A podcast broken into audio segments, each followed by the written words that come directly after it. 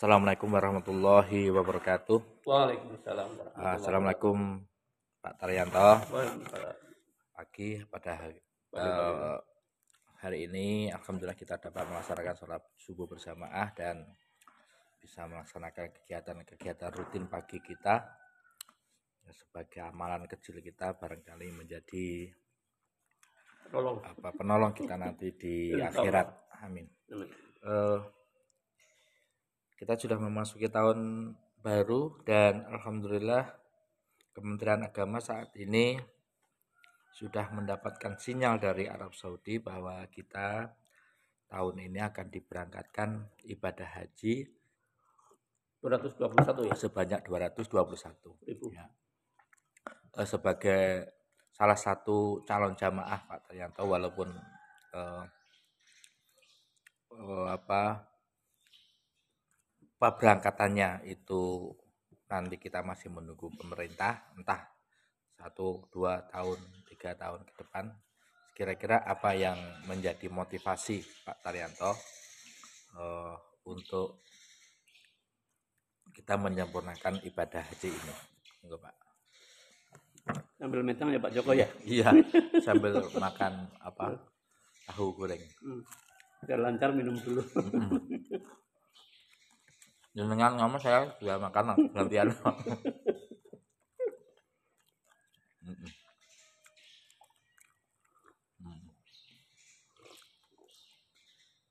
Alhamdulillah ini ya. hangat tahunya kalau nyemnya dan ya. apa uhum Haji itu kan wajib adanya. ya Wajib bagi yang mampu ya. ya Nah, bagi yang mampu. Motivasi awal adalah melaksanakan kewajiban syariat. Mm-mm. ya kewajiban syariat. Terus motivasi yang kedua adalah memuliakan syiar-syiar Allah ya. Syiar-syiar Allah. Terus yang ketiga adalah mendapatkan manfaat dari berhaji. Mm. Jadi jadi itu harus harus ada, Pak. Hmm. Jadi yang pertama kan karena kita memeluk Islam, kemudian ada syariatnya ya. Kita niatkan, kita upayakan, kita proses. Jadi ada tiga dimensi ya dimensi dimensi itu. pribadi dibe- dimensi apa ya sosial karena kita Ya. mengetahui adanya apa sejarah-sejarah dan dimensi ketiga adalah Dimensi ekonomi. dimensi ya ekonomi lah Nah, pemberdayaan juga It- itu juga di di apa dibolehkan oleh Allah ya. Hmm. Jadi berangkatlah engkau umroh dan haji supaya engkau bisa apa, melihat siar-siar Allah dan engkau mendapatkan beberapa manfaat dari itu. Hmm. Artinya manfaat kan bisa bisa ekonomi, bisa sosial, bisa politik. Hmm. Bahkan hanya secara ekonomi memungkinkan bahwa kita bertemu ketika berhaji itu bertemu dengan banyak orang dari banyak negara, banyak supplier kan, banyak supplier. Di situ pertukaran itu juga memungkinkan. Setelahnya tidak lanjut setelahnya kan itu. Tapi eh, kita juga melihat bahwa eh, salah satu rangkaian ibadah haji itu adalah ada ada proses berkorban ya berkorban nah berkorban itu kan menggerak itu salah satu salah satu bagian dari eh, ritual haji yang itu menggerakkan ekonomi masyarakat secara luas karena para peternak ya peternak itu kan bergerak karena karena momen spiritual itu Mm-mm. gitu. Wow. jadi jadi artinya dengan dengan orang melakukan ibadah haji itu diharapkan engkau mendapatkan beberapa manfaat dari itu salah satunya manfaat ekonomi itu. Gitu. nah selama ini itu kan ada pandangan miring orang itu pak Joko. Pandangan miring orang tentang haji itu mengeluarkan biaya yang banyak dan ke negeri orang. Negeri orang. Dalam bahasa kasarnya buang-buang uang gitu. Betul. buang-buang uang. Dan devisanya kan masuk ke negara lain. Ya. Ya itu itu itu pandangan itu boleh ya boleh. Tapi ya ya ya wajar aja karena mungkin belum mendapatkan manfaat dari dari orang berumroh dan berhaji. Jadi tiga motivasinya itu Pak coba. Motivasi. Jadi motivasi berhaji itu uh, yang lebih penting berhaji dan berumroh itu tidak tidak hanya waktu di sananya saja, tetapi waktu di sana itu sebenarnya lebih kita proses charging ya, mengecas atau mengisi ulang mencatu daya lagi spiritualitas kita di sana gitu. Iya, iya. Itu loh. Sehingga kemudian setelah dari sana itu menjadi lebih, lebih semangat, berdaya gitu ya. Lebih. Sampai kemudian kita bisa ke sana lagi gitu loh. Nah, ini ini. Gitu. Dalam pandangan apa tadi berhaji atau yang penjelasan sampaikan tadi adalah berkenaan dengan ekonomi dengan datangnya hari raya kurban ya. Hmm. Nah, eh, sekarang yang berkenaan dengan anu Pak, berkenaan dengan apa motivasi intrinsik atau motivasi yang yang apa ya esensi gitu dari dari anu dulu kita membahasnya di pribadi dulu tapi yang paling dalam itu apa Pak Taryanto? Ya haji itu kan puncak atau mahkota.